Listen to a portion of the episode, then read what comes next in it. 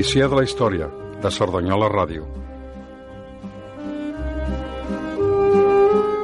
Bon vespre i benvingudes un altre dilluns a l'Odissea de la Història. Avui el nostre programa tractarà la història de la música. Per això, en la primera part ens acompanyarà l'Helena Pelicano, que moltes de vosaltres la coneixeu perquè dona veu al Jaque Mate en una de les seves seccions. Després ens acompanyaran de l'agrupació musical de Cerdanyola la Laia Saró, presidenta, i el Gustavo Arias, membre de la coral. I amb ells parlarem de la història d'aquesta agrupació que enguany ha fet 20 anys. Jo sóc l'Ivan Garnelo, el control tècnic m'acompanya l'Abraham i això és l'Odissea de la Història. Comencem.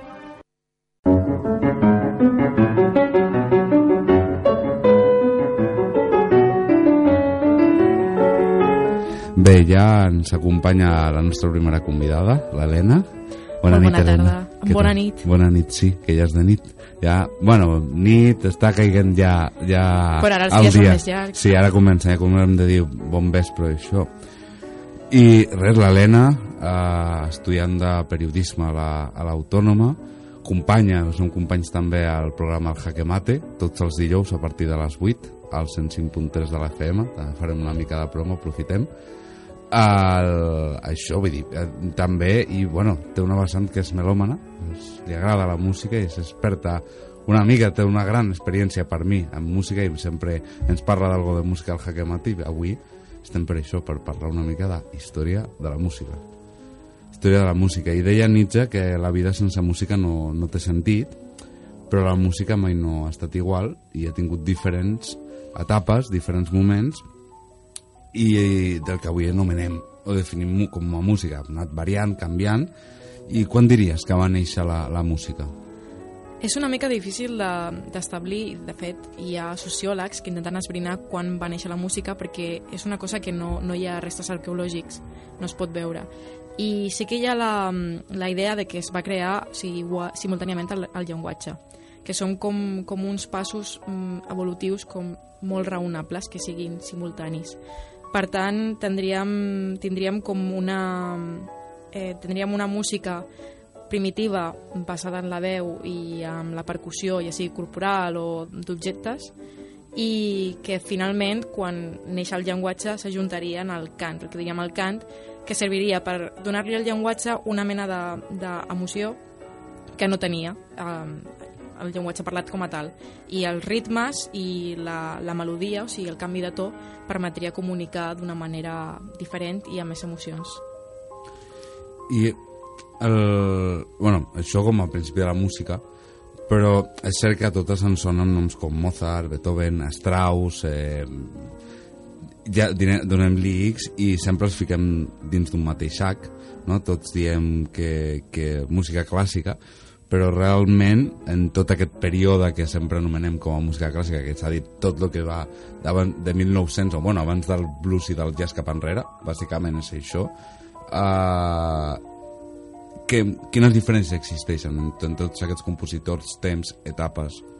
Moltíssimes. És com si parlem d'una catedral uh, barroca i una catedral neoclàssica. No tenen res a veure Eh, sí, considerem música clàssica, tots aquests moviments, però sí que és veritat que hi ha unes diferències molt grans. O sigui, tenim des del barroc que o sigui, sonorament es pot escoltar molt bé quines són les diferències eh, entre un, un barroc i un, i un clàssic, eh, tenim el romanticisme, o sigui, les, els moviments artístics tant a la, a la música van, van molt paral·lels al, al que serien els, els moviments tant en la literatura com en, com en l'art. I tenen uns trets molt semblants. Per exemple, tenim eh, ja al segle XIX tenim Debussy, per exemple, que és impressionista i és molt interessant veure com... De fet, de, de Debussy és la, la cançó que tanca les entrevistes això el que Paspiet, aquest, crec que, o, sí. aquest, o és aquesta, és aquesta, això, això és, aquesta, de, això és de bici.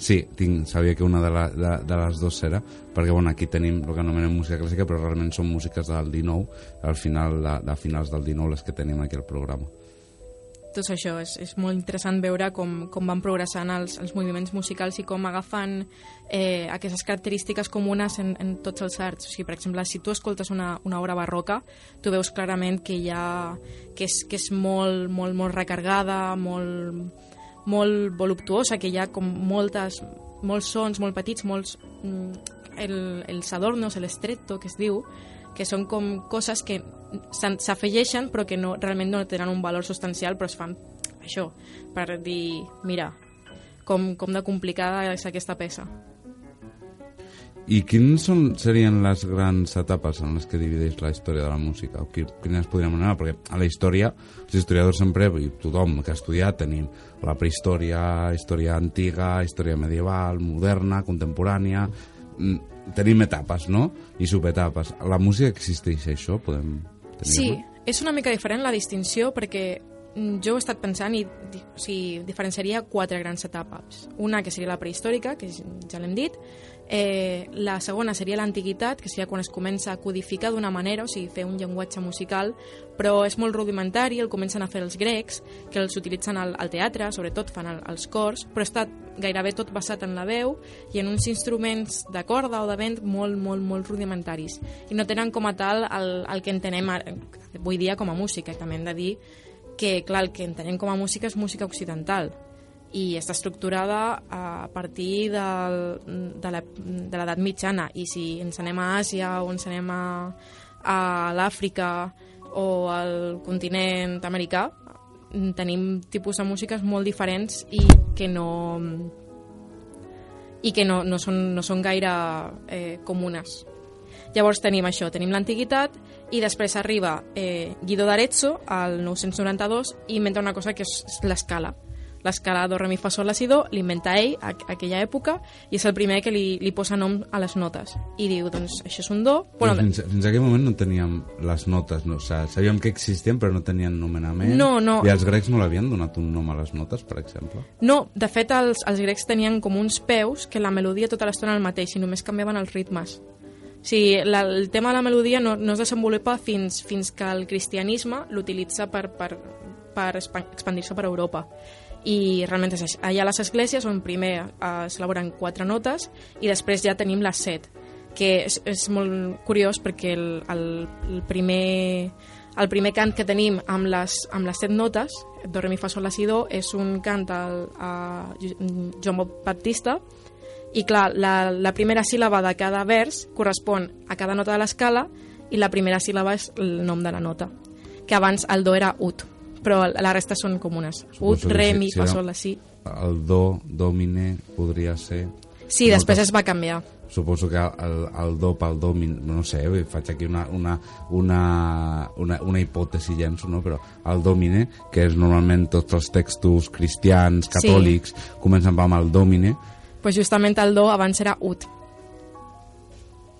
I, I bueno, a partir d'aquí tenim, a partir del sí, barroc, sí ja tenim la última revolució, que seria ja la, la, la revolució de l'harmonia. Tenim com a tal l'harmonia moderna amb Mozart. I la seguim utilitzant a dia d'avui amb el Que Mozart pop. parlem del segle, del segle XVIII. Sí, sí, sí.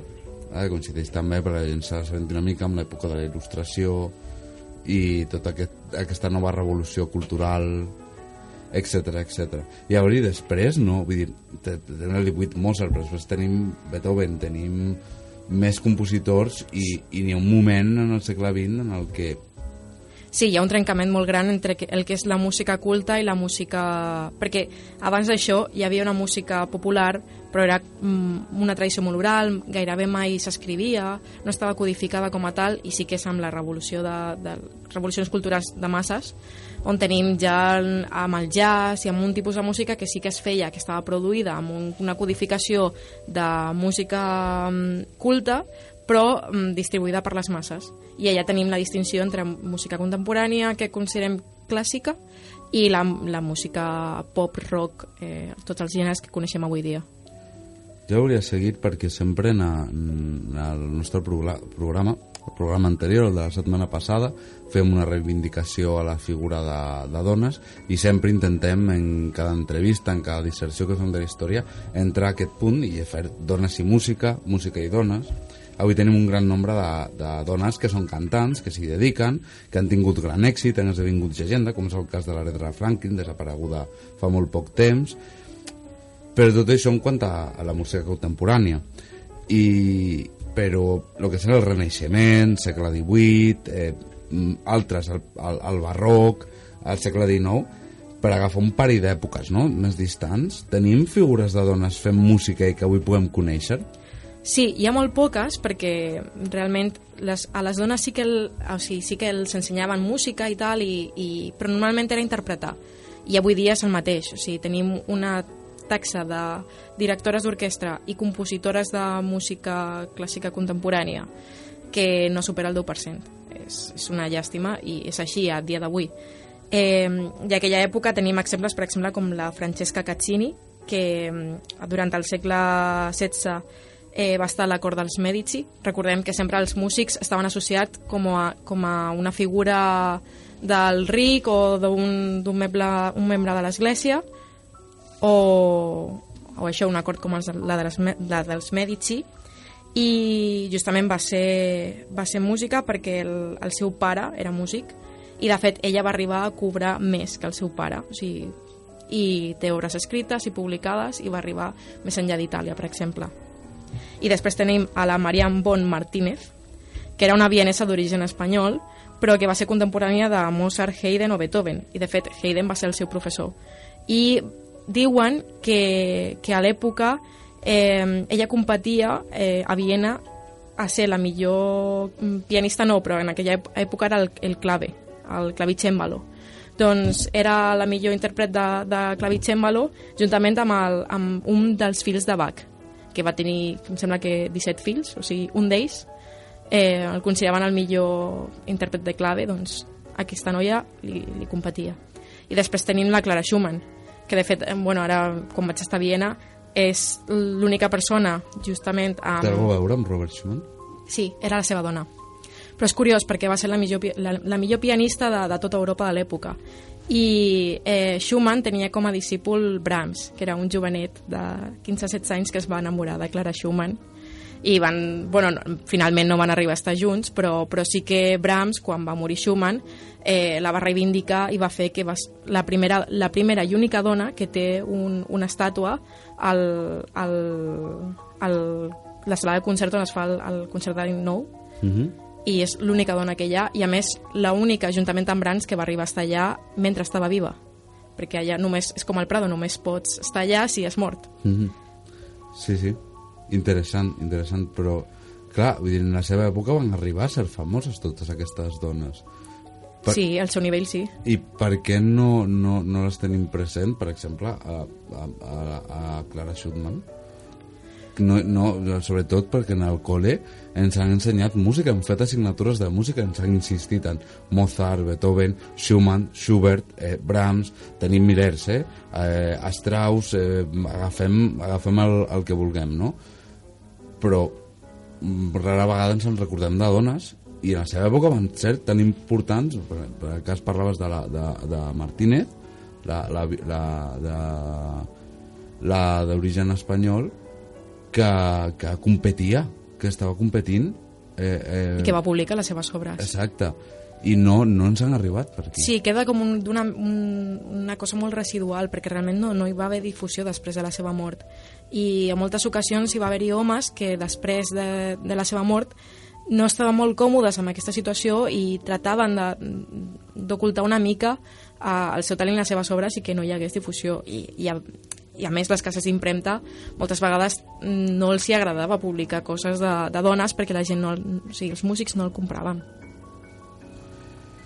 Interessant, tornem al, al mateix, no? al mateix punt, sempre estem en el mateix punt de, en tots els aspectes que analitzem de la història, sempre, eh? nosaltres seguirem analitzant, però sempre ens trobem la mateixa resposta a una societat masclista, patriarcal, que silencia i arracona les dones al, als sotsols de la història allà eh, tancades amb clau i que ningú les vegi ni se'n recordi d'elles. I estem veient que avui dia també. Sí, no, no, seguim, és una dinàmica que continua en aquesta societat i se'n fa, des del món de la història se'n fa, s'està fent molt, vam tindre en aquest programa, programa la, Mercè, la historiadora Mercè Renom, que n'ha treballat en temes de treball i gènere, molt, però encara queda molt per fer, no, no és prou. I, i mai no serà prou. Seguim, seguim ara però amb, amb, amb aquesta disserció avui sobre la història de la música i llavors per entrar una mica de, de, de música en el segle XX, de com és aquesta evolució, la música que avui coneixem i quan es produeix aquest canvi no? de, de passem de, de tota aquesta música de cambra, de Beethoven, etc etc, o, o Debussy, que estem sentint-lo de fons, a mm, Chuck Berry, eh, el jazz, el soul, el Joplin, blues... que va ser molt important a la història de la música, és com l'impàs entre... Sí, eh, tot, tot aquest moment de, de, de passem això i comença a irrompre el, el soul, el blues, el jazz, aquests ritmes tan nous, tan eh, revolucionaris que comencen a moure i a trastocar la, la societat. Ve una mica amb, amb l'exportació de les vanguardies musicals cap a, cap a Estats Units i molt a veure amb, amb la difusió de la ràdio.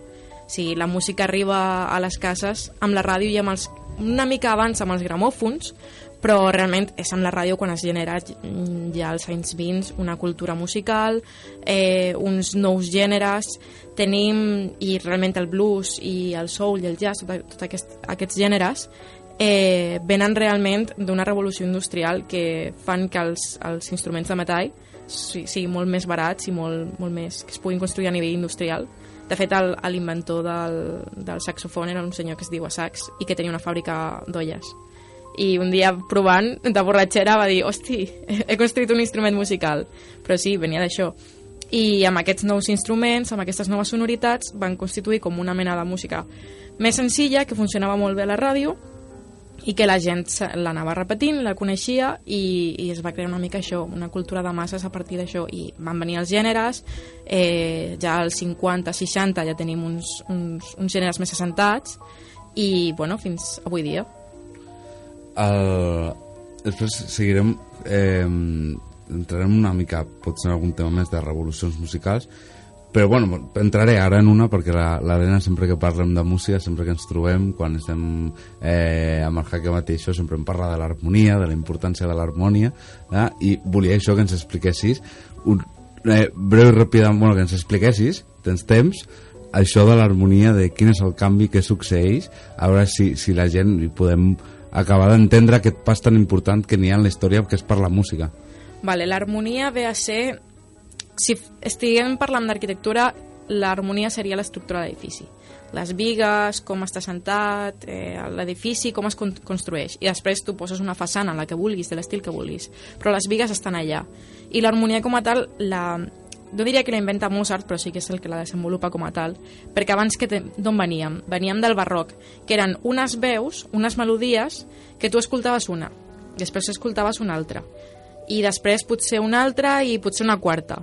I tu les anaves escoltant a la vegada i de, de cop s'anava una de cop s'anava una altra, però no hi havia una construcció com a tal eh, parlem de, ja parlem de ver- verticalitat, perquè totes les notes sonen, sonen a la vegada. I Mozart el que fa és crear una harmonia, una estructura molt forta i crear una melodia. Una melodia molt senzilla que només és una nota que va flotant i que nosaltres podem cantar i identificar. Això simplif simplifica molt l'escolta de la música, perquè no has d'anar seguint veus mm, que van per allà, sinó que tens un acompanyament que de fet el pots obviar i tens una melodia molt forta, fàcil de recordar. I això segueix, això, això és això. Uh, hi ha uns acords que Mozart inventa, o sigui, una seqüència d'acords, que crea aquesta harmonia i que el pop se segueix utilitzant avui dia perquè funciona molt bé perquè se't queden al cervell, és una cosa de, de física, bàsicament. Llavors, creus que aquesta ha sigut la, la revolució més important al món de la música? O, creu, o, o apuntaries a part d'aquesta, si ho és, altres? Sí, jo crec que sí. O sigui, a nivell de, mm, de composició musical, sí. A nivell de canvi social, de com, de com arriba la música a, a les persones, de com es democratitza l'accés a la música, perquè abans no hi havia un accés a la música real, a la música que la gent no escoltava Beethoven, a, a l'època de Beethoven. Sí, Escoltaven casa- quatre gats. Sí, a, ca, a casa al poble no, no teníem el pagès escoltant les pageses, els masovers, masoveres, escoltant Beethoven. Per això, i de fet un dels, dels primers formats que van triomfar a la ràdio als Estats Units, als anys 20, va ser la, la òpera per ràdio. La gent escoltava òpera a Chicago. Canvi molt, molt important. Increïble, que estem en aquest mitjà ara, la Sí. ràdio, estem parlant des de la ràdio i com aquest mitjà ha transformat la societat. Uh, ens queden un minut, un parell de minuts escassos per acabar i abans de finalitzar m'agradaria que ens deixis una petita reflexió sobre la importància de la música en, la, en les nostres vides, en les vides de les persones. La música és una cosa natural, realment. El, són una ordenació de sons que produeixen plaer, és tal qual així. Eh, beneficien molt el, el cervell perquè l'ordenen, perquè l'ajuden a comprendre una mica més eh, la realitat i realitat complexes i, abstractes. Uh, i jo crec que a tothom li fa feliç la música. O sigui que és igual quin gènere t'agradi tant si t'agrada el death metal com si t'agrada Bach o fins i tot el Despacito, que escoltar música és molt bo i molt beneficiós. Llavors tornem al principi, no?, el que deia Nietzsche, que la vida sense música no, no té sentit. Exactament. Helena, moltíssimes gràcies per acompanyar-nos avui, uh, per haver vingut a, a, al nostre programa. Aquesta casa ja esteva, també, ja ho saps, però per vindre al nostre programa i tens sempre les portes obertes per venir a parlar de música, periodisme, d'allò que vulguis per poder conversar amb nosaltres. Val? Estem molt agraïts de tenir-te aquí. Moltes gràcies. Ara, però, uh, vosaltres no marxeu perquè ja ve la Roser amb la secció tal dia com avui.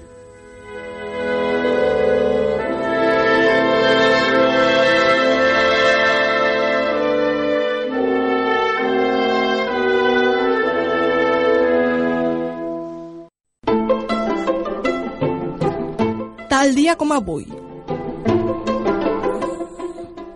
L'any 1888 s'inaugura l'Exposició Universal a la ciutat de Barcelona i va rebre més de 400.000 visitants procedents d'arreu del món. L'exposició va durar fins al 9 de desembre i també es va celebrar quatre mostres internacionals a Àustria, Escòcia, Bèlgica i Portugal. Al 1975 neix Isaac Galvez López, un ciclista de Vilanova i la Geltrú que va participar als Jocs Olímpics de l'any 2000 i al Tour de França. L'any 1999 va guanyar una medalla d'or a Berlín en el Campionat Mundial de Ciclisme de la ciutat. El 1901 mor Josep Coll i Vilaseca, músic i compositor català del nord de la comunitat. Va estudiar al Conservatori de Perpinyà i va dirigir l'orquestra del Teatre de la Ciutat. Durant la seva carrera professional va escriure diverses òperes, òperes i polques.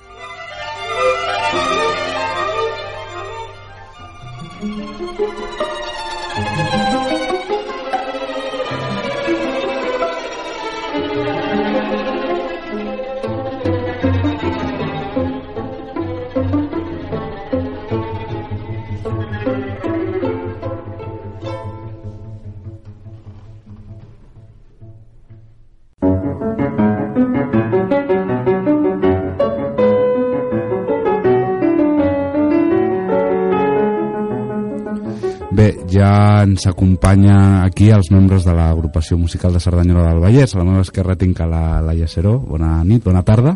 Bona nit, bona tarda, bon dia. Uh, la Laia és membre de la banda de l'agrupació musical, també és la presidenta de l'agrupació i, i bueno, fa, es dedica a tocar la trompeta. Bueno, sóc periodista. Periodista també. Els divendres i Sí. alguns dies, doncs sí, toco la trompeta. I a la meva dreta tinc el Gustavo Arias. Bona tarda, bona nit. Bona tarda, bona nit. Uh, ell és membre de la coral, Sí, uh, és cantant, baix, de fet, Sí. o, o com, di, com em deia abans, això intento, no? sí, ho intento, perquè vols de baix baix no tinc, però ho intento. I, bueno, ell va estar durant 8 anys secretari de... Avui ja no, però va estar secretari de, de Sí, l'agrupació. vaig estar en la, en la Junta 8 anys, sí.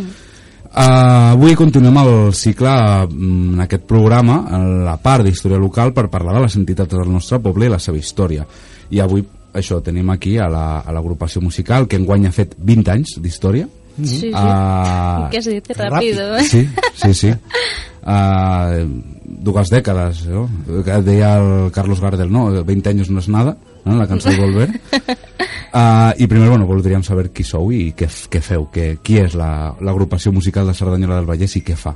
Vale, perfecte. Primer, eh, dir-vos que som una entitat molt activa, vull dir, fem moltes coses i a la vista està, bueno, a la vista no, als oïd, a les oïdes està que tenim dues formacions, eh, tenim la coral i tenim la banda sinfònica. Llavors, vam néixer, com bé deies, l'any 99, aquest any fem, fem 20 anys, que es diu ràpid o no, no sé, depèn de qui, amb qui parlis, però la nostra idea quan, quan vam néixer eh, era d'ocupar un espai que estava orfe en aquell moment a, a Cerdanyola, que és que la ciutat no tenia una banda. I més d'un i més de dos diuen que una ciutat no és ciutat fins que no té una banda no? del poble.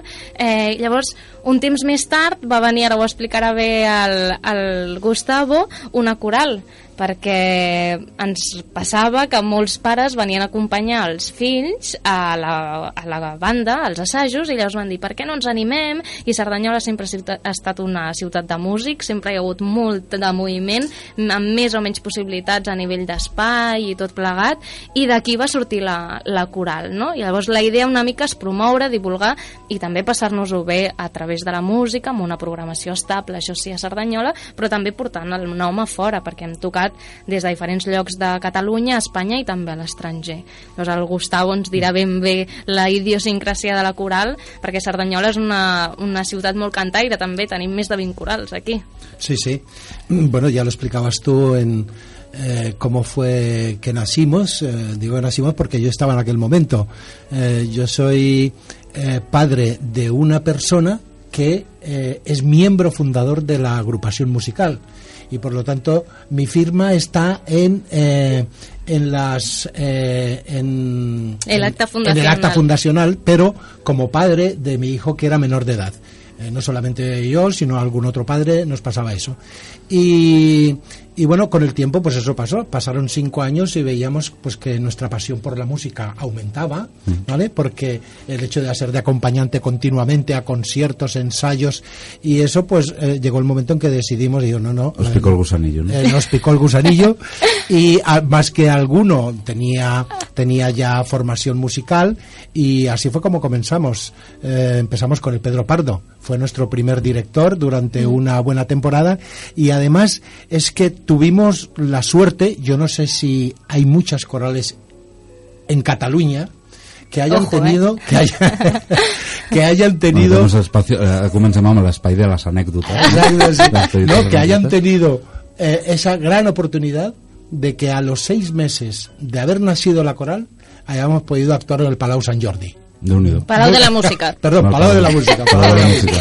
Nos venimos arriba fàcilment. Perdona, perdona. Eh, pot ser algun dia al Palau Sant Jordi. sap. Ara, voldria tornar perquè parlàvem del 99, però concretament, si no m'equivoco, el 5 de febrer del 99, és la data oficial de, de fundació de la- de l'agrupació, i com, com, le pregunto al Gustavo perquè bueno, ell va estar, ell com diu ja ens ha dit, ell signa ja en aquest acte fundacional. Com es decideix, com decidiu organitzar-vos i constituir-vos com una entitat? Bueno, mm, a ver, a- la, la- en aquel momento, ahora mismo no me acuerdo cuántos eran exactamente las Yo te lo personas. digo, Yo lo creo tengo que son aquí unos 12, apuntado. apúntalo, Laia. Ai, 18 mayores d'edat, o sigui, aquesta, aquest 5 de, la de Laia, la febrer... Laia, la Laia s'ha preparat l'entrevista Sí, perquè sí. té- Ui, ui, ui, jo porto té- té- apunts aquí. per- Home, porta els apunts I tu no ho has dit al principi, però jo tenia 7 anys, eh, quan tot això va començar. Vull dir que, que tot això que explico és perquè la memòria oral sortosament Ha fet- en ha fet- l'entitat ha fet- ha fet la la feina, feina. ha fet la exacte. feina bé. Llavors, es nota que és periodista per tant.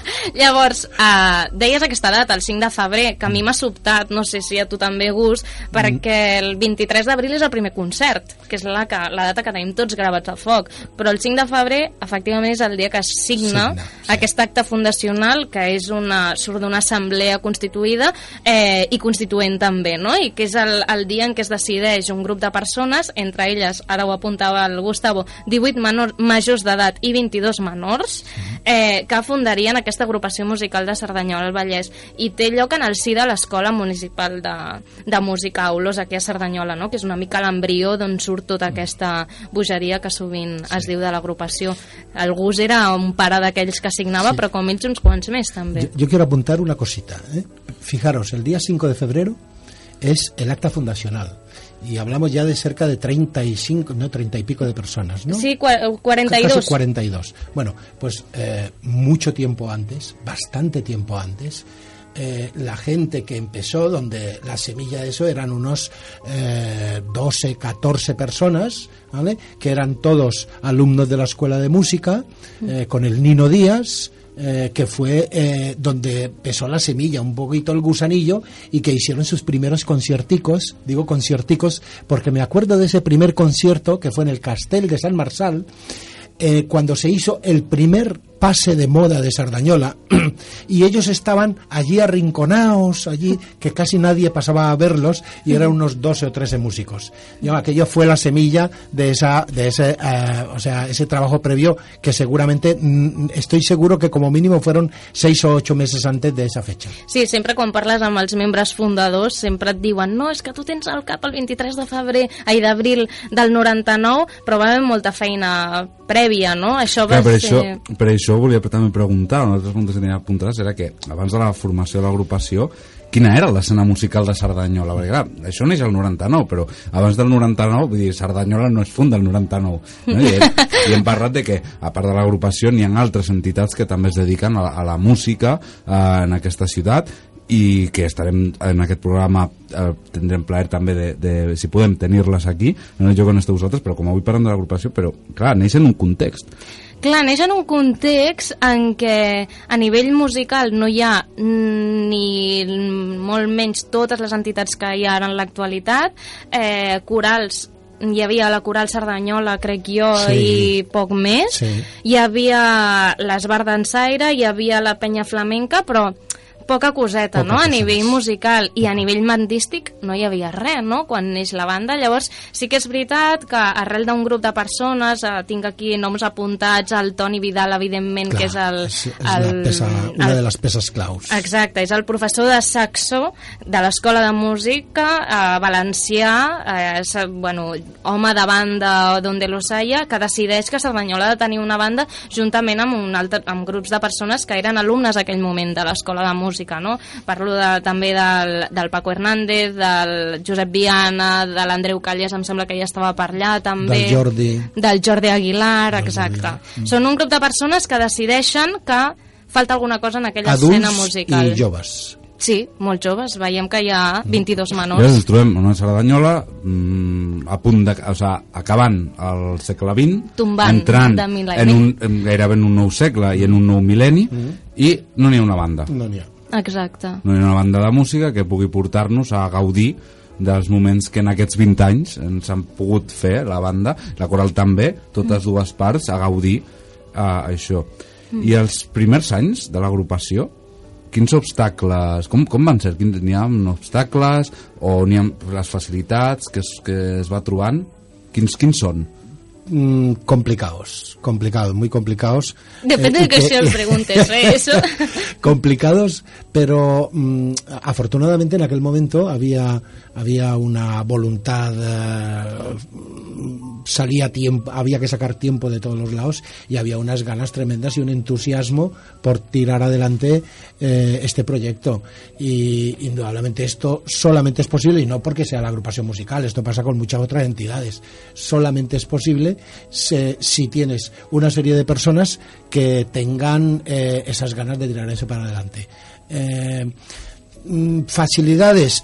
Bueno mm, en algún momento por, por parte de la administración indudablemente en aquel momento estaba estaba la, la alcaldesa la Cristina Real. Cristina Real, eh, que luego es madrina, que luego se hizo madrina de la agrupación musical y que indudablemente puso, puso interés en el tema, eso no hay que negarlo, pero que eh, esto solamente es posible eh, si hay un- muchas personas implicadas en un proyecto, si dedican muchas horas para poder sacar adelante, porque hay que convencer también a la administración de esa necesidad y poder llegar a y poder llegar a tener una serie de subvenciones que son imprescindibles para poder tirar adelante cualquier entidad. Eso solamente se hace si tienes si tienes ganas. I, i- i com, com podeu compaginar els que sou pares mm. i mares que hi participeu, comenceu a participar activament, mm. en dedicar-li hores, a, teniu també feines, teniu llars, teniu... Mm. Eh, potser n'hi ha un fill, no? teniu més d'un fill, un fill sí que entra a formar part de la banda de l'agrupació, mm. però un altre està fent altres coses perquè, mm. bueno, perquè sigui no, no, hi vol, no, no hi vol ser-hi,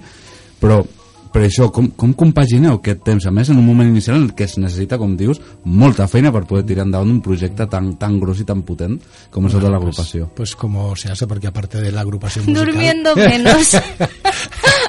aparte de la agrupación musical, en aquel momento yo participaba en una entidad Capítulo de de solidaridad. anécdotas El dos. capítulo de, de solidaridad. Aparte, era miembro de la, del Consell Escolar de la escuela de mis hijos. Mm. Y eso, por lo tanto, pues como tiene todas las, todos los padres y todas las madres Mm. el tiempo dedicado, eh, muchos de ellos, pues a, a bueno, al fin y al cabo vivimos en una sociedad en la que en la que si no se participa en entidades, pues no sé, bueno, es que yo no concibo mi vida sin eh, eh, esta, esta vida asociativa. Jo crec que estic, Ivan- total, estic totalment d'acord. Jo crec que abans, si em deixes fer aquesta, Sí, sí, aquesta sí. falca, que un del, dels objectius bàsics de, de l'agrupació és eh, aprendre, i l'aprenentatge també es fa amb dedicació a l'amateurisme, no? en aquest cas, i a l'associacionisme popular. O sigui, aprendre no només assajant, sinó també fent, també reunir-se,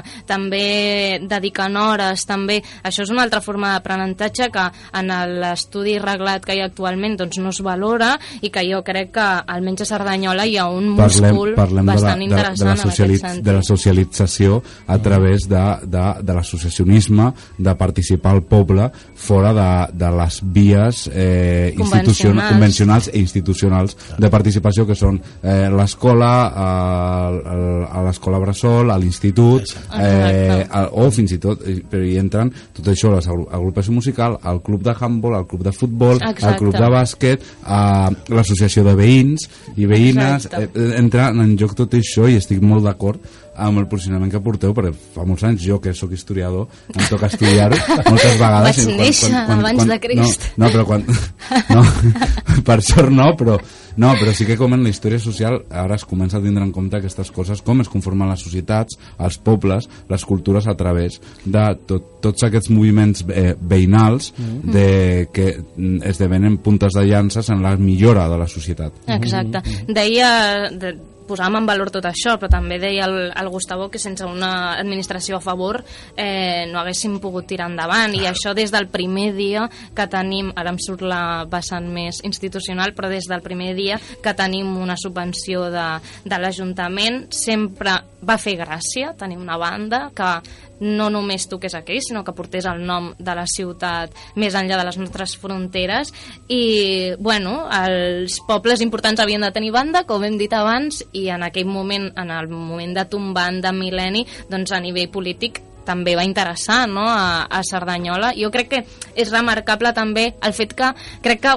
un dels primers obstacles o el primer obstacle que encara eh, roman en l'actualitat és que l'agrupació musical de Cerdanyola mai ha tingut un espai eh, propi, eh, Sí, sí. estable, eh, des del 99 fins ara.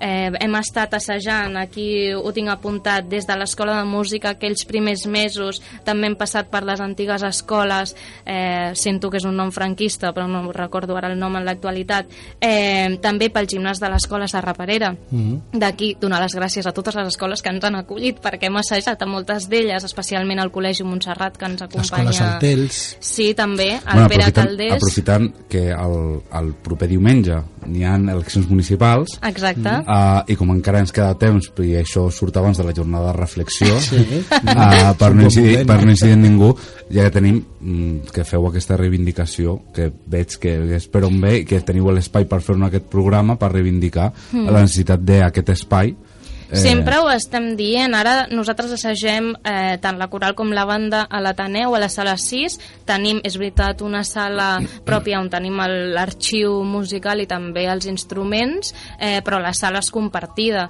Eh, estem a gust, però les timbales no ens entren per la porta, per dir-te un exemple, no? Llavors, crec que sí que és una, una reivindicació històrica que ojalà algun dia deixi de ser històrica, no? I volem comunicar de moltes ocasions, ho tornarem a fer, perquè sí, jo crec que és l'ú- l'únic obstacle que s'ha mantingut en el temps. Tot l'altre és salvable, no? Com deia Gus, amb ganes, amb temps i amb aquesta eh, energia i aquesta bogeria inicial que encara es manté fins als nostres dies. La otra es recuperar, eh, porque nosotros también hemos sido víctimas de los recortes. de los recortes sociales, y hablan de los recortes de educación, lo de que, lo que, pero nosotros, como todas las entidades de Sardañola, todas las entidades culturales, eh, hicimos un, nos, nos, nos rebajaron las, la subvención, y por lo tanto, ahora es un buen momento para decir, a ver si recuperamos la subvención que teníamos en los Bueno, años. ahora estamos bien, ahora estamos bien, no vamos a decir más. Voy a preguntar-vos les, la... de aquí, què més? Vinga, va, anem, anem per feina. És anem que per feina. sento que el tècnic, que no hem dit Bé. res, però moltes gràcies per estar aquí, ha dit que portem 16 minuts, Sí. per tant hem de, hem Sí, de vaig preguntar el temps perquè, soc, perquè com m'entro... Sí, sí. Sí, no, m'està- m'està- ens està dient el, el, el tècnic, no, m'he preguntat. Uh, és cert, cert, li he preguntat. Uh, amb senyes, eh, que aquí fem tot amb senyes, perquè això... Volia preguntar quines activitats heu fet, les activitats que heu fet d'aquests 20 anys, quines considereu de, de major rellevància per, per la- per l'agrupació i també per a, per a Cerdanyola. Jo crec que, a banda del castell, que suposo que ara en parlarem sí, el més... castell vull que parlem concretament. Doncs jo crec que abans hi ha unes quantes dates que són claus en la, en la història de l'entitat. Eh, el castell neix el 2002 per primera, per primera vegada eh, amb, el, amb el Carmina Burana, però després eh, en la banda també ha tocat a l'Auditori de Barcelona el 2002 i el 2009 Eh, després també vam fer el cinquè aniversari al Palau de la Música, com deia bé el Gustavo, en què es van celebrar això els 5 anys i es va estrenar també coral. Eh, també vam organitzar, crec, si no m'equivoco, el 2004, la Trobada Nacional de Bandes, que és una eh, celebració que cada any se celebra en algun poble concret de Catalunya i que en aquell any vam tenir l'honor doncs, de, de, d'encapçalar nosaltres des de Cerdanyola els que hi eren recorden aquell moment amb molts músics a la ciutat i és, és molt emocionant no? Eh, escoltar-los i després també vam tornar a l'auditori pel 15è aniversari i també hem fet trobades de corals muchísimes, Gustavo, tu lo vas a acotar eso mejor, però hi ha un moment en què es decideix que la coral també ha de tenir un protagonisme anual i ha de començar un cicle de concerts en què eh, es promocioni, diguem, el, el cant coral a la ciutat, no? I quines, és són, aquell... quines són les fites aquestes de la, de la coral que Eh, podríem destacar? mm, Destacar, hombre, la, la, la trobada de corals, eh, indudablemente para nosotros de- fue un fue un es es eh, es uno de los momentos importantes de la de, la coral. Indudablemente el primero es el castel, que luego hablaremos del castel, pero en segundo lugar la trobada de corals. Entre otras cosas porque nos da la oportunidad de, de conocer otras entidades y de relacionarnos con ellas. Luego nosotros, los otros sí que hemos tenido eh, dos, eh, dos salidas, una al Europa Cantat de Turín en el año 2012 y otra al, Europa Cantat de PEX en Hungría en el 2015. Son momentos también importantes para la coral porque eh, digamos que eh, eh, estar durante una semana eh, envuelto solamente por música y mucha parte coral, no solamente recibiendo clases más y sino también cantando en la calle, oyendo conciertos de todo el mundo, pues son momentos que para nosotros han sido muy importantes. Hay una salida también a la maternidad de Elna en Francia eh, que para nosotros fue muy, muy, muy, muy emocionante. Cantamos en la maternidad, supongo- hay mucha gente de Sardañola y supongo que conocéis, conocéis lo que es la maternidad de Elna, y, y cantamos en tres sitios muy memorables. Uno es en el Museo de la Memoria que se acaba de inaugurar recién, eh, en aquel entonces, hace cuatro años, en, En la Junquera. en la Junquera. Eh, Después- que, yo, que yo recomiendo encarecidamente a la gente que nos escucha que vaya. Sí, pues es un museo fantástico. Allí tuvimos la gran oportunidad de cantar allí dentro, emocionante. Todavía, ahora mismo me emociono de, de pensar en aquel momento. Eh, en la maternidad de Elna y después en la playa de Argelés. eh, escuchar a una de las personas miembro de la coral hablando de su abuelo que estuvo ahí en aquella playa mm, me emociono todavía. Sí, s'està, sí, no, no, s'està, s'està emocionant. Eh, bueno, pues eh, eh, continuar. No, de, decíamos, Gustavo, els, els moments memorables de, que, que afecten sobretot a la coral, no? Dèiem aquesta trobada de corals que cada any porta corals noves a Cerdanyola, en què es fa un concert anual pels vols de, de l'hivern-primavera, no? anem canviant a vegades, eh, i que també dona l'oportunitat a la nostra coral de fer viatges perquè són intercanvis, no? i aquest retorn. Dèiem també aquest viatge eh, de caire reivindicatiu de la memòria històrica en aquesta maternitat d'Elna, que entenc que els oients d'aquest programa saben què és, però si no, recordem que va ser una maternitat que es va fer, eh, que va engegar una infermera mm, Suïssa. suïssa, just en el moment en què s'expulsa els republicans d'Espanya de, per la- per de les tropes franquistes. S'exilien la, fi- de la guerra fa que molta gent, sobretot la que queda a Catalunya, hagi de creuar els Pirineus i... I entre ells moltes embarassades, no? Exacte, moltes dones embarassades. Moltes dones embarassades. I llavors no sé si, Gustavo, hi ha algun moment... Eh, jo tenia aquí apuntat també que vam fer un intercanvi amb Londres, Ah, sí. Ara en farem una a França, també, o sigui que... No... S'està internacionalitzant i això que, que, que l'agrupació que està fent és portar el nom de Cerdanyola fora de les, de les fronteres de Catalunya i fora de les fronteres de l'estat espanyol. Mm. Uh, volia... El, eh, sé que n'hi ha moltes més fites, però sí. ha, crec que n'hi ha dos punts importants. Un és uh, la banda sardanyolenca Cronopios, uh, que va participar al Festival de l'Acampada Jove, després de guanyar el Festival de l'Impuls Jove, uh, eh, d'aquí, d'aquí a Cerdanyola, que neix de, de l'agrupació musical uh, i després m'agradaria que ens parléssiu de l'activitat potser més rellevant que té l'agrupació que és el, consell de, el concert del castell de Sant Marçal uh, que és un espectacle musical viu i que, bueno, que tothom posa el, sap sap parlar del concert del, del castell sap en quin moment és i, sap, i ja el reconeix llavors volia que aquests dos moments, vull dir, aquests dos fets que penso que són molt, els he escollit perquè penso que són molt rellevants, mm. doncs això, per una banda, com destacaria el fet de, de que Cronopios neixi d'aquí i si han nascut, a part de Cronopios, altres, altres grups o components, eh, gent que hagi com, composat diferents eh, grups musicals i també eh, la, el Consell de com, com es va fer, com es construeix un espectacle d'unes característiques com és el concert del castell. Vale.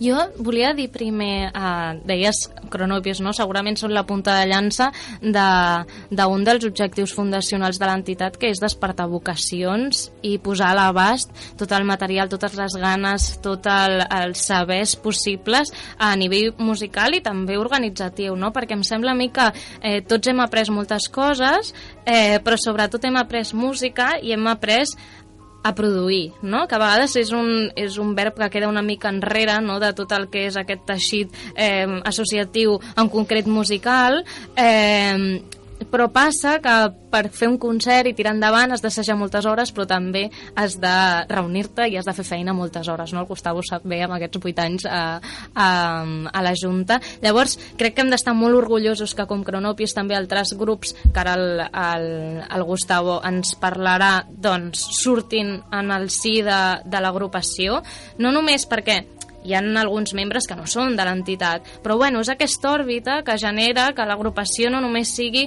aquell, aquell grup de persones que va tocar, sinó que és una gran família que té ramificacions, que tant agrupació és eh, aquella persona que ve una vegada a l'any al concert del castell, com aquell grup de tres iaies que venen pel concert de Nadal perquè és que oi, hacen bromes i no me lo pierdo, no? Llavors, crec que tot aquest caldo de, de cultiu genera que passin coses tan boniques com que hi hagi Això demostra que membres... sou, que sou vius, que la música és cultura, la cultura és un, un ésser viu, Exacte. i, i que això, que és, que és imparable, que, que no para, que una vegada es, eh, trenca les cadenes d'aquells que la volen amarrar i que la volen subjectar, creix i s'expandeix com la mateixa natura. Sí, lo que pasa es que eh, es cierto lo que dices, ¿no? Pero eh, para eso se necesitan una serie de personas detrás. Y ese es el tema de que afortunadamente nosotros cumplimos 20 años, que estamos vivos, y la suerte que tenemos ahora como entidad es de que eh, tenemos recambio generacional. Lo digo, eh, lo digo porque la junta actual la junta directiva actual de la agrupación musical tiene una media de edad muy baja. Mm, No, no me atrevería a dar una cifra, pero estoy seguro que por está alre- estaría alrededor de los 30 años como mucho. O la media edad. Eso para mí es muy o sea, igual para la mayoría de la gente pues igual no le dice nada, pero para mí es muy importante. ¿Por qué? Porque las anteriores juntas y sobre todo la primera y la siguiente durante muchos años la media de edad era bastante alta ¿eh? yo era era en torno a los 50 años para arriba y por lo tanto el- que hoy tengamos una junta directiva con una media de edad de 30 años es muy importante con esto quiero añadir Bueno, que, que, que destacar que tenim aquí a la presidenta, Sí, eh? que en té 26, 26 anys. Sí, ay, pues eso, eso indica que tendremos eh, agrupación musical para muchos años. Uno de los retos, y aquí aprovecho, la, aprovecho el momento para decir de que uno de los retos que quizás yo como miembro antiguo de la Junta nos hemos eh, puesto en algún momento y no lo hemos podido cumplir, es por ejemplo eh, crear corales infantiles o corales o corales juveniles que nos garanticen hoy, hoy por ejemplo la coral de adultos, pues la media edad está por encima de los eh, 55 años, está mm, bastante por encima de los 55 años. Eh, es uno de los retos que tenemos por delante. Antes se nos ha olvidado mencionar de que en realidad han habido tres tres formaciones musicales porque en principio tuvimos una orquesta Jo tengo cinco aquí, eh? Sí. Perquè eh, és cert que després de la banda va venir la coral, després de la coral va venir l'orquestra, però Va, entremig va haver una bandeta que pretenia ser aquesta escola no? on creixessin músics i que és un projecte que sempre ha estat a l'horitzó amb ganes de recuperar, i una coraleta, fins Una i tot, coraleta, també. sí. Y esto, eh, bueno, hoy hoy para nosotros eh, eh, el hecho de el hecho de tener una junta es muy importante porque lo que tú dices, la cultura está viva, pero hay que mantenerla viva y eso la mantenemos las personas. Y- hablando de cultura viva, Gus, Iván te ha preguntado sobre los grupos que han Ah, salido los grupos. de la Yo en esto no estoy tan puesto, pero desde luego de grupos eh, hay un. Lo que pasa es que ahora mismo la memoria me falla. Hay un grupo de coral mm, que estuvo durante mucho, estado, ha estado dura- activo durante muchos años, pero sobre todo yo quería destacar las individualidades, que también lo son. ¿eh? Hay personas desde el mundo de, de la música que han alcanzado eh, cierto renombre, que han salido de la agrupación y que en ciertos momentos estuvieron durante muchos años participando activamente eh, en la agrupación. Eso, eso mm, lo que pasa es que ahora de, me- de memoria no, no, no lo és- tenía jo preparado. crec, de, no, d'alguna manera crec que és interessant el fet de que Si no se'n recorda no passa res. Ah, Ja, Després me la- me l'apuntaré Vale. i aprofitarem Ah, les vale. xarxes socials i els posarem allà per complementar la gent. Vale, no, deia que el fet de que a l'entitat hi hagi persones eh, amants de la música, algunes amb vocació professional i altres amb vocació amateur, és el que fa mm, jo crec que aquesta idiosincràsia tan, tan interessant, no? perquè tenim el cas que, o sigui, de persones que estan a les nostres files que marxen un temps perquè van estudiar el màster a l'estranger, que van, que fan concerts a dojo i que, bueno, que ara ens venen a, a visitar i diuen hola, què tal? I a vegades fan un concert amb nosaltres com a solistes, no? A mi se'm faria difícil eh, no tant per la memòria, sinó posar noms en això, no? Perquè crec que són molts, que, són, que 20 anys donen per moltes individualitats, també per molt col·lectiu, no? I al final crec que tothom sap no? qui porta aquestes quatre sigles a dins i no sé, fem això de les xarxes que segur que ho agraeixen que en el món que vivim si no surts de Twitter Sí. no surts enlloc Twitter, Facebook i Instagram, sempre ho recordem al final i després, després ho recordaré segur. Ara, ja com el temps se'ns acaba uh, i bueno, abans de marxar per a la gent que ens escolta i que potser ara l'ha entrat el gusanillo d'acostar-se a l'agrupació ben, bé per, ben bé perquè potser fins ara no la coneixia cosa rara, o bé perquè eh, sempre havia pensat, n'hi havia parlat i ara sentim, sentim-vos a vosaltres dos, ha dit, uah, dic, vull anar-hi. Com, com, bueno, que, com poden col·laborar amb vosaltres? doncs Què han de mira, fer? han de fer primer tenir ganes d'apropar-se a la música, jo crec, no? Llavors, fet aquest, assumit eh, aquesta premissa, llavors hi ha mil i una maneres de, de col·laborar. Si a algú li agrada cantar, pot venir a provar de cantar, si algú toca algun instrument, pot venir de tocar algun instrument, eh, si no, també poden venir als nostres concerts, a les programacions estables que fem durant l'any, o poden venir en alguns concerts puntuals que fem també a fora de, de Cerdanyola. El proper, eh, al castell que m'has preguntat abans, i resumidament diré que és el nostre emblema, que jo crec que a Cerdanyola el castell no és un castell, el castell és un concert, és un espectacle, que uns quants bojos d'aquella primera junta van decidir que s'havia de fer, que els hi agraïm infinitíssim perquè és un moment que s'ha consolidat com una cita social, musical, cultural de Cerdanyola i que, bueno, per allà han passat repertori de tota mena. Convidem els que ens estan escoltant a remenar el nostre, la nostra maroteca eh, per veure què hem tocat, però sobretot els convidem a venir el pròxim castell, que ja té data, que és el 28 de juny, que és l'últim divendres de juny, com sempre, a vegades és l'últim de juny, a vegades és el primer de juliol, i que en breus dies direm la temàtica, però encara és secret, com seguint amb la tònica esperarem, de cada any. Esperarem a que, a que les aviseu. Està demanant, està demanant aquí al, al la paraula. Sí, no sé si tinc temps o no. Sí. Molt- molt ràpid, Molt ràpid, no. Eh, per vindre a la coral, perquè a vegades la gent s'assusta mm, pensant de que s'ha de saber música per cantar a la coral o per tocar a la banda. Per tocar a la banda quizás una miqueta més, però per la coral, el 90% de la gent de la coral actualment mai ha estat estudiant música. L'hem après, per tant no fa falta tenir coneixements musicals per vindre a cantar a la, a la coral. El que fa falta el que fa falta ganes. són ganes eh? i a més a més altre punt quasi tothom pot fer pot cantar o sigui, perquè a vegades diuen, no, és que jo no, no, no, no canto, no, yo solamente canto en el Eso baño, bañando, no, eso, eso, yo, no, no, no, prácticamente todo el mundo puede llegar. Tardará más o menos, pero cantarà. I els repertoris són molt variats, eh? perquè no hem entrat en qüestions musicals, però toquem des de música moderna, sacra, contemporània, més clàssica, de música de pel·lícules. Ells l'altre dia van brillar amb un Somebody Loves Me espectacular. Doncs aquelles persones que s'acostin que puguin descobrir tot aquest gran repertori. Exacte. Ho deixem aquí. Moltes Uh, gràcies. Laia, Gustavo, moltíssimes gràcies per haver vingut. Sereu sempre benvinguts a aquesta casa, Mm. a aquest programa, Cerdanyola Ràdio, l'Odissea de la Història, i uh, us esperem properament, us esperem veure el 28 de juny Exacte. al Consell del Castell. Sí, als jardins Moltes del gràcies. concert de Sant Allí Marçal. serem.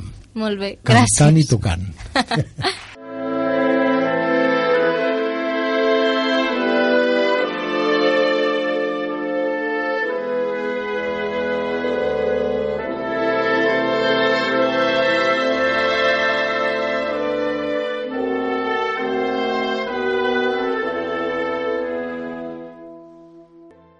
Gràcies per escoltar-nos i ens tornareu a trobar el proper dilluns a partir de les 8 al 105.3 de la freqüència modulada. Eh, recordem que trobareu aquest programa que heu escoltat al podcast per a aquelles persones que arribeu al aquest final i per si es ve de gust tornar a sentir-lo. El podcast es troba al nostre web, a la nostra secció web del cerdanyola.info. Us recomanem també seguir-nos al Facebook, Twitter i Instagram. Bona nit, bona setmana i fins dilluns.